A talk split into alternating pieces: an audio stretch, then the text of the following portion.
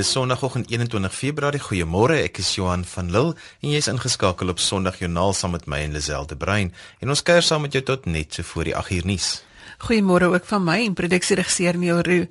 Dit is inderdaad Sondagjoernaal se kuiertyd hier op RSG en ons fokus op geloofstories. Vanoggend gesels ons met Dominee Dani van Rensburg oor hulle werkskepingsprojek. Johan Brits vertel van sy tweede kans op die lewe en ons hoor van Pieter Abraham Du Plessis oor die droogte op sy plaas. Pastorale terapeut Dion Brouwer is in die ateljee vanoggend en laastens hoor ons van Dr. Janie Leroux ook oor tweede kansse. Dr. Isak Burger gesels ook met ons oor hulle skrywe aan DStv rakende 'n TV-reeks. Daar is al die gewone kanale waar jy ons kan kry op RSG se webwerf by rsg.co.za of op DStv se audiokanaal 913 en die potgooi is ook beskikbaar op die webwerf so teen maandag se kant. En as jy vir ons wil SMS, is die nommer 34024.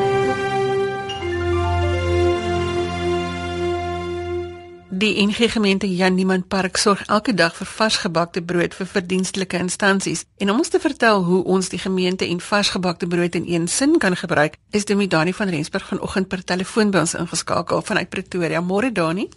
Self goeiemôre. Dani, vertel vir ons, watter plan het julle gemaak om werkloosheid en armoede in julle omgewing aan te spreek? Self dankie. Um, Jan Niemand Park gemeente is geleë aan die noordooste kant van Pretoria. Dis ook 'n gebied wat aan die onderpunt van die sosio-ekonomiese leef staan. 'n Gebied waar die demografiese verskywinge 'n realiteit is. En derhalwe het die nood ook geweldig toegeneem in ons omgewing. En ons het net besin gekom om te besef ons kan nie net aanhou uitdeel en uitdeel nie, maar dat ons 'n projek moet vestig wat volhoubaar is, wat kan werk skep, wat kan diens lewer en wat ook bekostigbaar is en wat mens maklik mense sou kon oplei in die bedryf en so het ons by die bakkery uitgekom. 'n Bakkery klink nie vir my nou 'n maklike ding om te bedryf nie, Dani. Daar was inderdaad uitdagings vandat ons begin praat het oor die bakkery het 'n jaar, meer as 'n jaar verloop voordat ons ons eerste brood gebak het. Ons het um, ons paai het gekry met 'n Duitse koöperasie wat 'n soort van bakkerye vestig. Hulle missie op regeringsvlak is om gemeenskapsbakkerye in die platteland te vestig. En hulle was ons behulpsaam met die eerste fase van opleiding van ons van ons werkers wat wat ongeskoolde mense van die gemeenskap en die gemeente is en om die basiese vaardighede vir hulle aan te leer en vandag word hulle amper gestempel as boerbaasbakkers. Die bakkery het inderdaad uitdagings, ook finansiële uitdagings. Ons missie is om brood te verskaf aan verdienstelike instansies daagliks vars gebak bekostigbaar. So op hierdie stadium lewer ons 'n varsgebakte brood gesny en afgelewer vir R7 aan verskeie ons organisasies elke oggend. Sjoe, dis die helfte van die prys wat mense dit gewoonlik by kan koop. Ons weet dat brood 'n belangrike rol speel in die Bybel, maar van waar kom die naam van die bakkery Bethlehem? Bethlehem is die Hebreëus vir huis van brood. As 'n mens in Rut sou lees, dan lees 'n mens in Bethlehem, huis van brood, was daar nie meer brood nie en Naomi wat trek en die hele verhaal rondom Rut en Boas en dat hulle in Moab aangekom het en uiteindelik weer terugkom en dat in Bethlehem huis van brood weer brood beskikbaar was, hoop was, geleenthede was, nuwe lewe was. En dit is wat Bethlehem vir ons vir ons bakkers ook beteken, dat dit 'n geleentheid van hoop is vir hulle, vir hulle eie omstandighede, maar dat ons ook in die breër gemeenskap ook hoop bring deur diens te lewer. Tony, maar julle lewer 'n belangrike diens want julle maak broodjies vir skole en ander organisasies wat voedingsskemas het. Hoe hou julle dit vol? Is dit 'n voldag werk? Ons bakkers begin in die aande 7uur te bak en môreoggend lewer ons die vars brood al. Die bakkery is aan die kombuis van ons kerkgebou gevestig. So ons werk hierdie nag en lewer die volgende broodjies aan kinderhuise, aan ouetehuise aan uh, aan sopwyse aan aan skole se snoepies op 'n verskeidenheid terreine verskaf ons hierdie brood. En jy verskaf ook aan 'n koffiewinkel as ek reg verstaan. Ja, ons verskaf graag aan Eco Grounded um, wat op op 'n manier verbind is aan die jeugbediening van van Valeria hier in Pretoria. So dit is wonderlike geleentheid om ook op hierdie manier besigheid te doen inderdaad maar ook ook dat dit in die teken staan van gelowiges wat hande vat en saamwerk. Dan hier is my so 'n besonderse storie van geloof en aksie. Wat beteken dit vir jou geloofslewe en miskien ook weier vir die geloofslewe van almal wat betrokke is by hierdie bakkery? Ons wat betrokke was vir die vestiging van die bakkery, het net beleef hoe die Here geleenthede skep en deure oopmaak en die regte dinge op die regte tyd in plek laat val. Hy het op 'n ongewone manier ook vir ons werkers voorsien en die persoonlike groei in hierdie werkers. En van ons werkers het jare laas gewerk en skielik stap 'n mamma aan die oggend huis toe met 'n kardoes warm gebakte brood en aan die einde van die maand het sy 'n paar rand om in haar gesin se behoeftes te voorsien. So die persoonlike groei in ons werkers se lewe in terme van hulle menswaardigheid en hulle selftrots, dit is net 'n ervaring om te beleef. Ons het gesels met Dominee Dani van Rensburg van die Jan Niemand Park NG gemeente oor hulle werkskepingsprojek. Dankie Dani dat jy julle geloof en aksie storie met ons gedeel het. Dit was 'n voorreg. Dankie vir die geleentheid. Lisel het gesels met Dr Dani van Rensburg van Jan Niemand Park. Goeiemôre as jy sopas by ons aangesluit het. Dis Sondag Joernaal saam met Johan en Lisel. Ons gesels geloofsaake en soek na die positiewe stories in die lewe van Suid-Afrikaners. Gemaak gerus 'n draai op RSG se webblad by rsg.co.za vir inligting oor ons gaste en onderwerpe. Jy sal dieselfde inligting ook op ons Facebook bladsy kry. Onthou tog maar om die like knoppie te druk as jy op hoogte wil bly van detail daar. Ons is soos gewoonlik elke Sondagoggend saam met jou tot net so voor die 8 uur nuus. 'n Televisiereeks het onlangs 'n herrie op sosiale media ontketen en kerkleiers het hulle stem dik gemaak weens die sensitiewe inhoud van die program. Dr Isak Burger, die president van die AGS in Suid-Afrika, sluit vanoggend by ons aan om hieroor te gesels. Goeiemôre Isak. Môre Lisel. Isak, julle is deel van die groep gelowiges wat teen 'n program kapsie gemaak het. Hoe het dit gewerk? Weet jy dit het nou 'n tydjie gelede onder ons aandag gekom die program of die reeks programme oor uh, met die titel Lucifer. En uh, daar was aanvanklik persoonlik beswaar gemaak deur individue by Mnet en en hulle het ons kennik daarop aangegee dat die program vanaf 7 uur wat uh, prima tyd is te skuif na 11 uur toe ook ouder ons beperking van 16 op te sit alhoewel dit nog steeds op DStv se catch-up beskikbaar is enige tyd vir die dag vir enige iemand. Nou die rede waarom ons as kerkleiers en met baie baie duisende gelowiges daarteen beswaar maak, ernstig beswaar maak, Uh, dit gaan nie net hier oor gewone program wat, moreel bevraagteken kan word nie. Jy weet waar daar buite huwelikse seks en ander mis, misdaad en, en geweld is. Nie. Dit gaan hier oor die persoon wie se naam aan die aan die aan die reeks verleen word wat die nie net die die uitdrukking en die verpersoonliking van boosheid is nie.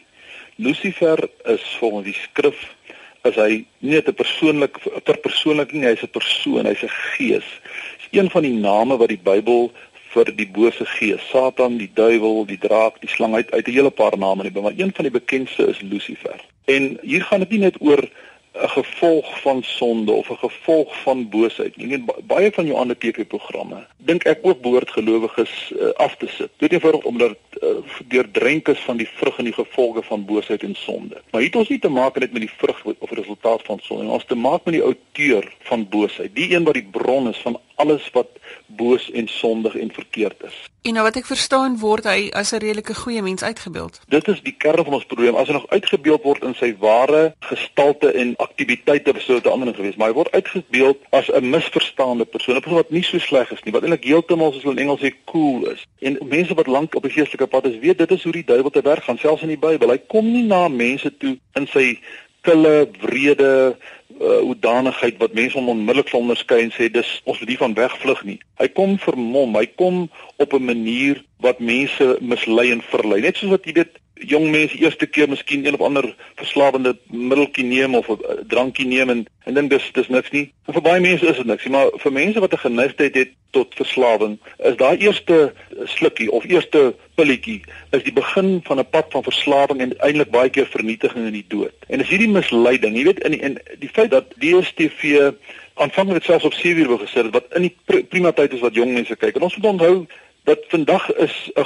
om te sê ons kyk vir later en, en daar's 'n ouderdomsbeperking beteken in, in baie gevalle nie veel nie. 'n Groot deel van die gesinne in Suid-Afrika is disfunksionele gesinne. Jong mense wat verkeerde voorbeelde wat wat van kleins af nie korrekte sterk waardes in hulle lewe ingebou word nie. En wat ongekontroleerd na hierdie gaan kyk. Dit gaan nie net oor oor jong mense nie. Groot mense is is, is net soveel die skuif en die en die voorwerp van van die duiwel se se boosheid en woede. So om dit af te maak as as weet mense moet beskou as 'n as 'n goeie kunswerk werk en kyk verby die ander goed. Dis minder nie dinge aan reg nie. Dit is net fiksie, dit is drama of wat ook al. is is 'n baie naïewe benadering. Ek bedoel veel mense wat wat vandag in gevangenes sit wat opgesluit is weens verkrachting en weens moord. Uh, sal vir jou vertel waar dit begin het was dikwels met met 'n film wat hulle gekyk het uh, op televisie of waar ook al wat, wat as 'n rolprentfilm of 'n reeks aangebied is en daar's saad gesaai. Mense onderskei altyd tussen fiksie en werklikheid en en fiksie het baie keer invloed op mense denke, veral as jy jonger is op hoe jy optree. Is ek die kerkleiers wat almal deel gevorm het van hierdie drukgroep as ek dit soort van 'n drukgroep mag noem. Die leiers van die van die Volle Evangelie Kerk, die Pinkster Protestante Kerk, die Lewende Woordgroep en die lede in Christus. En soos een man het onmiddellik gesê, ons staan saam. Ek wonder of daar uitsonderinge sal wees as jy kerkleiers sal kontak of hulle genooi neem met hierdie film en of reeks en nie ook daarmee sal saam staan nie. Ek het dit terloops by Facebook bladsy gestoon om ook daar uh, dit bekend te maak. En ek ek was absoluut verstom Op hierdie stadium het daar alreeds 97000 mense dit die dit besoek en honderde het gereageer daarop. Daar was miskien 'n dosyn wat die benadering gehad het van wanneer jy die keuse om die ding af te sit of aan te sit. Uh jy hoef nie daarna te kyk nie, maar die oorgrootste meerderheid voel baie sterk hieroor en die brief wat ons aan Mnet gerig het is nie 'n dreigbrief om te sê ons gaan DStv boikot of mense oproep om hulle inskrywing te kanselleer nie. So wat die gevolge gaan wees, weet ek nie. Dan sekerlik af van van Mnet se respons hierop, maar daar's 'n oorweldigende reaksie teen hierdie reeks uh, van van Lucifer. Lazel het gesels met Dr Isak Burger. Volgende het ons 'n storie oor tweede kansse. Johan Brits het letterlik 'n tweede kans op die lewe gekry nadat hy op die randjie van die dood gedraai het. Hy sê vanoggend by ons aan om sy verhaal met ons te deel. Goeiemôre Johan. Môre Lisel, môre luisteraars. Johan min mense kan sê dat hulle op sterwe gelê het en te oorleef het om hulle storie te vertel. Vertel vir ons, wat is jou verhaal? Lisel, ja, dit is uh, nogal 'n uh, aangrypende storie. Al moet ek dit nou self sê. Net in 'n neutedop wat gebeur het in in 2011 het ek 'n roetine prosedure ondergaan. Dit was 'n maar korrektiewe chirurgie in die voet wat nou redelik alledaagse ding is. Maar terwyl ek nou so 'n gips geleen wag het om te herstel, het daar toe nou onverwagse stelselmatige orgaanversaking ingedree. En dit het meegebring dat ek so in oor 'n kwessie van 4 maande sewe keer in die hospitaal opgeneem is en uiteindelik toe nou uh, aan die einde van daai periode vir 2 weke in 'n koma beland het. Na daai 2 weke op 'n punt wat hulle nou jy kan maar sê hoop laat vaar het, jy weet in die naasbestaandes laat weet dit hulle jy weet hulle moet maar kom groet om dit net maar so te stel al wat ek onthou uh, in in daardie stadium uh, in die koma was 'n uh, 'n uh, beeld so visioen wat ek gehad het en ek het werklik waar mense wat nou al lankal oorlede is aan die ander kant sien staan. Hulle het nie met my gekommunikeer of enigiets nie, net net vir my gestaan en kyk en daar het so so 'n uh, uh, sy of sy met teks verskyn wat gesê Johannes op sy einde. En dit het nou my gedagtes aangegaan en ek was in die koma, ek het nie eens weet wat aangaan nie, maar dit is so helder vir my gees dat ek dit tot vandag toe nog kan onthou. Maar nou uh, aan die ander kant was daar een van die geneesere uh, internis en sy het nooit moet opgegee nie. Sy het snags gaan sit en navorsing doen en uiteindelik het sy tot 'n middel afgekom wat sy toegedien het en die volgende dag het ek my oë oopgemaak. Maar in die proses in hierdie 2 weke uh, het uh, dan ondergaan mense nou wat hulle noem spieratrofie raak uh, sodat jy kan glad nie jou spiere gebruik nie. Jy is nie verlam nie, maar jou jou spierbewegings is verskriklik aan bande gelê. Kon nie eet nie, kon nie sit nie, kon nie omrond nie, ek moes gevoer word en al die dinge. Maar ek kon daarom uh, lees eh, 'n uh, boek van so op 'n manier en op 'n dag het ek die Bybel gelees en op 'n snaakse manier het ek so 'n teken gekry dat ek 'n spesifieke teks in die Bybel moes lees waar dit is nou Jeremia 17 waar hy gespreek het en gesê die Here maak my gesond en ek sal gesond word. En die volgende oomblik het ek hierdie wonderbaarlike ervaring gehad, die soos die dak wat opgegaan het en hierdie uh, onbeskryflike teenwoordigheid ervaar, se helder lig. Uh, dit was verblindend, maar uh, dit dit jou nie uh, nie verblindend nie, dit so staan, nie verblindend nie, maar verskriklik helder, jy weet. Dit is asof ou binne in jou siel en kyk en jy sien elke hoekie en aspek van jou van jou lewe. En dit was uh, baie uh, kort uh, dit het nie baie lank geduur nie. Maar in geval ek het ek het heeltemal in 'n in 'n ekstase gegaan. Ek het begin lag en huil deur mekaar. Dit was werklik 'n onbeskryflike gevoel van sou ek maar sê vreugde en blydskap en verwondering. Volgende fase in die verhaal was waar ek toe uiteindelik vir 4 maande in rehabilitasie moes gaan in 'n uh, sentrum uh, vir 'n uh, eenheid vir verswaktes hier in die aftreeoord waar ek woon. Toe ek begin met terapie en uiteindelik toe nou maar soms so op eie stoel met my vrou se hulp het ek begin met ek het met gewigte geoefen en toe eers voetjie vir voetjie leer loop want ek moet heeltemal van voor af leer net om op my voete te staan en te kon loop. Maar ek het toe uiteindelik tot die punt gekom waar ek toe nou soos ek altyd uh, grappenderwys sê waar ek toe nou loshande op my eie voete kon uitstap uit hierdie sentrum uit en ek ek moet sê dit is iets wat min mense beskore is. En twee maande later toe ek terug op die rommel was. Was net 'n wonderbaarlike herstel. Hoe het hierdie situasie jou geloofslewe beïnvloed? En dit het gaan eintlik vir my baie dieper en verder as geloof.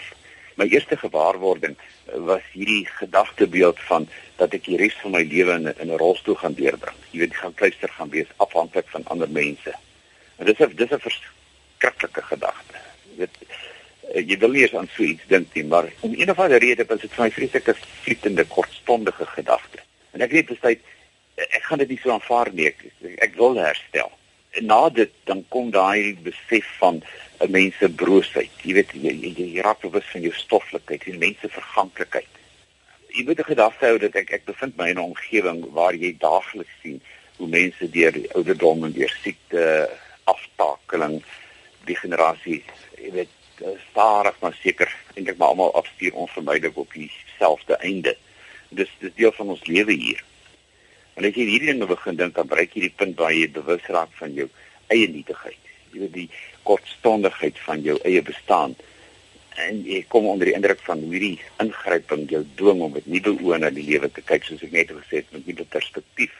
En en dan begin jy na jouself kyk en en jy begin ook dink hoe hoe sien ander mense jou? En dan kom jy agter mense is nie onaangeraak deur wat hulle sien as 'n wonderwerk nie. Hulle het regtig baie hulle het my later is genoem en 'n Mr Magic en ek weet nie wat alles nie jy self staan verwonderd en totdat jy begin besef maar wat is wat steek werklik hier agter. Johan, so wat maak 'n mens dan nou met hierdie tweede kans op die lewe? Hoe gaan jy vorentoe? Dit sal ek wil nou net sê binne die konteks van my eie geloofsoortuiging. Dit kan beklim toe, jy weet ek is oortuig alles berus op drie gees: geloof, gebed en genade en dan sien natuurlik 'n goeie getroue vrou ook. En ek het dit met almal in my lewe wêreld gedeel, maar ook gevra waarom hulle so verbaas is. Hulle dan gebid daarvoor, nee, weet jy? Maar nietemin die die ervaring het my laat besef hoe belangrik dit is om te fokus op dit wat werklik saak maak in die lewe. Ons moet besef die verlede is onherroepelik verby. Ons ons kan niks daaraan verander nie. Ons kan wel daaruit leer al is dit dan net nie om oor en oor dieselfde foute te begaan nie. Ek glo ons kan wel 'n verskil aan môre maak as ons vandag so leef dat ons mekaar hoop gee vir die toekoms. Dat ons moet bly hoop en vertrou dat al beleef ons moeilike tye, daar wel 'n uitkoms kan wees. Ek het gesels met Johan Brits oor sy ervaring van 'n tweede kans op die lewe. Dankie Johan dat jy jou storie met ons gedeel het. Dis al baie baie dankie en mag ek net afsluit met een sinnetjie. Dis nie almal van ons wat 'n tweede kans kry nie. My wens aan almal wat luister is, gebruik die kans wat jy het, want dit is dalk die enigste een wat jy gaan kry. Lisel was in gesprek met Johan Brits oor sy tweede kans.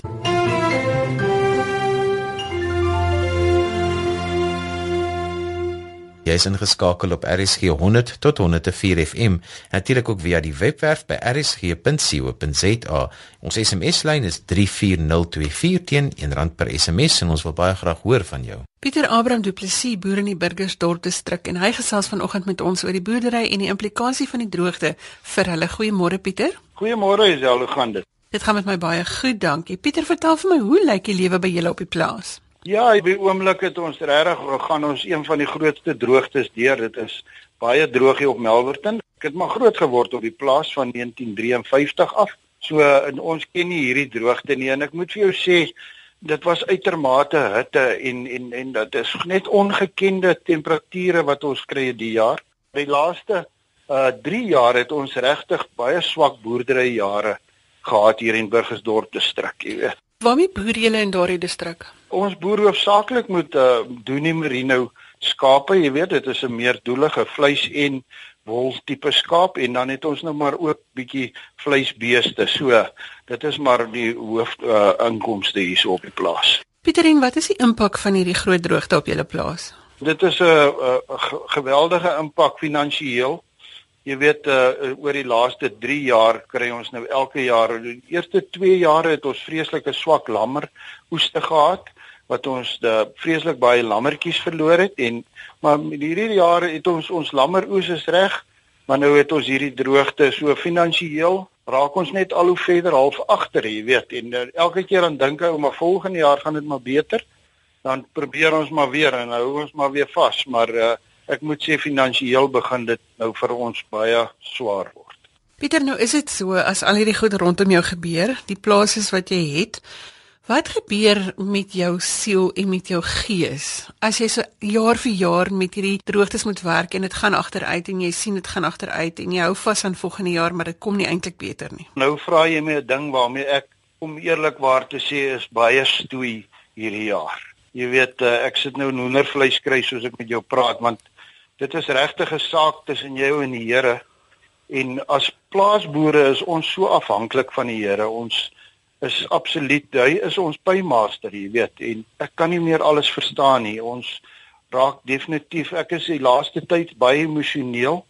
Uh ons ek was 'n bietjie af die voorreg gehad om bietjie see toe te gaan en ons het daar by uh, Jeffreys Bay in die in die kerk gewees, daai kerk wat 1000 mense is en ek moet vir jou sê ek is 'n groot man, ons boere is mos sterk ouens, ek was meeste van die tyd in trane. Want uh ons verstaan nie watter pad die Here moet ons loop nie. Jy weet, uh, ek het een oggend huisgodsdiens gedoen en ek het net absoluut vir die Here gesê, Here, ek is teleurgestel.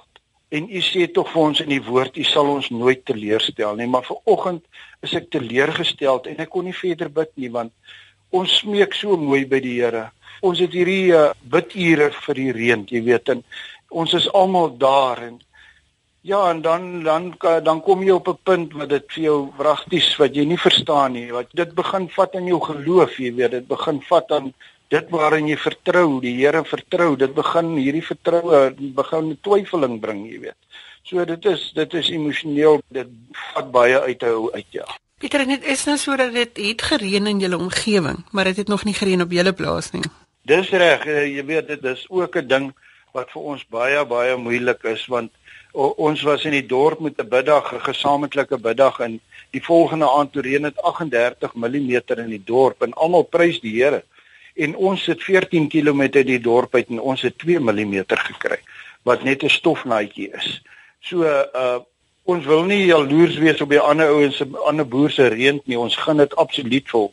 Maar uh ja, dit is moeilik om te verstaan as jy hierso op die plaas sit en jy sien jy ons kan ons het 'n vreeslike mooi uitsig op ons plaas en ek kan absoluut sien dat dit 8 km van my af 'n gordyn reën en daar kom nie 'n druppel by my uit dan uh, dan raak dit moeilik. Hier is dele in die distrik wat al 100 mm gehad het en ons het nou op die oomblik die meeste reën wat ek nog gehad het was 13 mm my seun is saam met my op die plaas so die meeste uh, verder kry ons 2 mm en 5 mm en dan soos ons noem dis hierdie jaloers reën, jy weet. En uh, dit dit is ook baie moeilik om te hanteer, ja. Pieter, wat is die gees onder die boere? Help hulle mekaar, staan hulle mekaar by?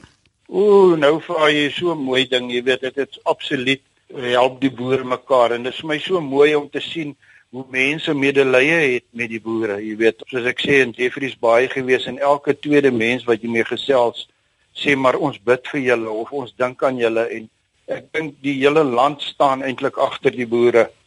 Maar uh, ek was so hierdie Sondag weer in die kerk gewees en na kerk het ek 'n uh, een van die boere in die distrik raak geloop in die plaaslike winkel ek sê toe vir hom ons het nie reën gehad. Hy is in die gelukkige gedeeltes wat reën gehad het en toe ons vir die middag hier 2 uur 3 uur toe kom daar 'n WhatsApp deur wat hierdie boer vir my 20 ronde bale kos aanbied.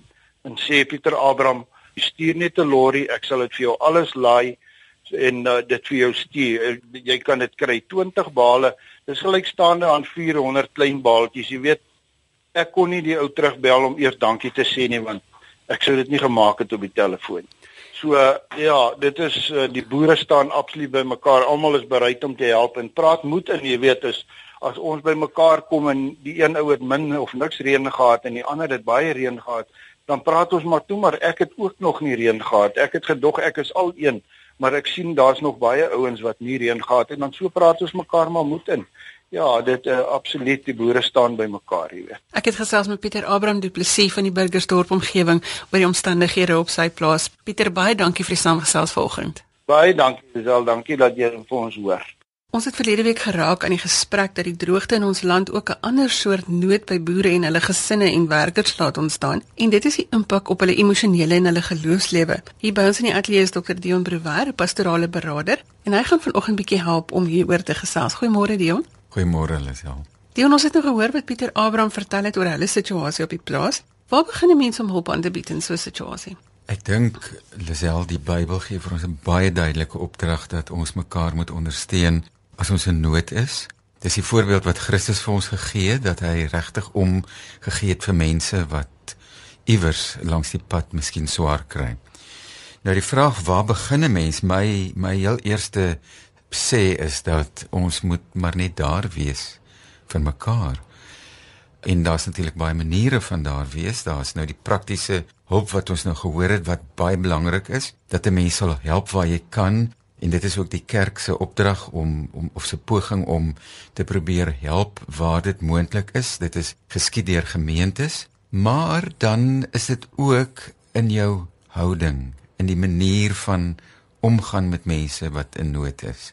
En 'n houding kom diep uit jou hart uit en die heel eerste houding dink ek sien ons by Christus en dit is van nie veroordeling nie, van aanvaarding en van nie presies te weet wat in iemand anders gebeur nie. So ek sou sê as 'n mens dis begin begin jy by jouself met 'n diep nederigheid om te probeer net daar wees vir mense wat in nood is. Ek dink ons kan dit sê van enige situasie, nê. Wanneer iemand doodgaan dan sê jy ek weet hoe jy voel. Ons kan dit eintlik deurtrek na so baie situasies toe en ons weet mos almal man sit nie sommer gou hulle hart op die tafel nie. So mens moet met liefde en met groot ontzag omgaan met hierdie mense vir die situasie waarin hulle is. Ja, ek was baie geraak deur die verhaal van Pieter, deur die egtheid waarmee hy gepraat het en dan ook het hy vir ons baie helder gewys wat gebeur uh, met ons geloofservaring met ons belewenis van God wanneer moeilike tye in ons lewe kom. Ons begin vra, vra dis natuurlik, dis reg dat ons dit vra as ons na die Bybel kyk, die Psalms en Job word daar baie diep vrae gevra en diep geworstel met God. Abraham het met God geworstel, die ou vaders het geworstel. Dit is nie dat ons geloof nou net vir ons moet sê maar ons moet nou maar net gelukkig wees nie. So ons moet nie te gou en te vinnig antwoorde gee en te slim antwoorde gee asof ons weet wat die reaksie van 'n persoon op 'n krisis of op trauma is nie. Ek dink dis 'n baie belangrike ding. Eintlik moet mense in jou teenwoordigheid daar wees. Jy het nou gepraat van praktiese goed. Is daar, kom ons sê, drie kolpunte wat ons kan sê, jy sê drie goed wat jy dalk prakties kan doen om by te staan? Wanneer 'n mens nou gaan en jy gaan om 'n uh, eh, pastorale ondersteuning te bied. Ek praat nou nie van praktiese hulp nie, maar pastorale ondersteuning. Dink ek is die eerste ding dat ons 'n gewilligheid moet hê om te kan luister, om te hoor wat ander mense sê, wat ander mense se nood is. En ek dink om dan sinvol 'n belang te stel deur vrae te vra, deur uit te vra, maar net gewoon regtig daar te wees met jou hele mens wees. Maar ek wil baie sterk daarop staan dat ons nie te slim moet wees nie, want Pieter het byvoorbeeld vir ons gesê dat hy begin wonder oor gebed. Hy begin wonder oor waar is God dan? Hoekom hoekom reën dit nie op sy plaas nie? Hoekom reën dit nie op sy plaas nie? En Daar is mos nou nie antwoorde daaroor nie. Het, dit gebeur met almal dat ons op die een of ander tyd in ons lewe swaar kry en dit is 'n heel natuurlike saak dat 'n mens die vraag vra. Dis 'n baie diep teologiese vraag. Dit word die teodisee vraag genoem. As God dan goed is, waar kom die leiding vandaan? In die lyn kom die vraag. En ek het nie eintlik antwoorde daarop nie behalwe om te sê dat God in Christus by ons kom staan in in die droogte tyd of by siekte kom staan hy langs ons. So God het mos nou mens geword en soos ons geword en in Christus kom lê so vir my gaan dit nie om antwoorde te gee nie maar om te weet dat dit is 'n worsteling om sin te gee wanneer jy in 'n baie baie moeilike situasie is. So ek dink die belangrikste ding wat ons mekaar sê Dion is daar's daar's een nood waar jy kan voer en geld verskaf, maar daar's 'n ander nood waar jy by iemand kan gaan sit en sê hier is ek, deel met my hoe dit met jou gaan. Ja, en dit is bloot belangstelling. Dis 'n gewoon menslike saak, maar dan met baie deernis moet 'n mens dit doen. Ek het gesels met dokter Dion Brewer, hy's 'n pastorale terapeut in diens van die NG Kerk Wes en Suid-Kaap en hy behoort aan die armoedesorgdiensgroep. Hulle is ook besig met die NG Kerk se droogtefonds en ons het die kontakdetail op ons Facebookblad gesit, maar Dion die webwerf, as mense wil gaan kyk hoe vorder die droogtefonds, is ngkerkdroogtehulp.co.za. Ja. En die gedagte is dat gemeentes kontak maak met ons by die kantoor want ons werk via gemeentes na lidmate toe.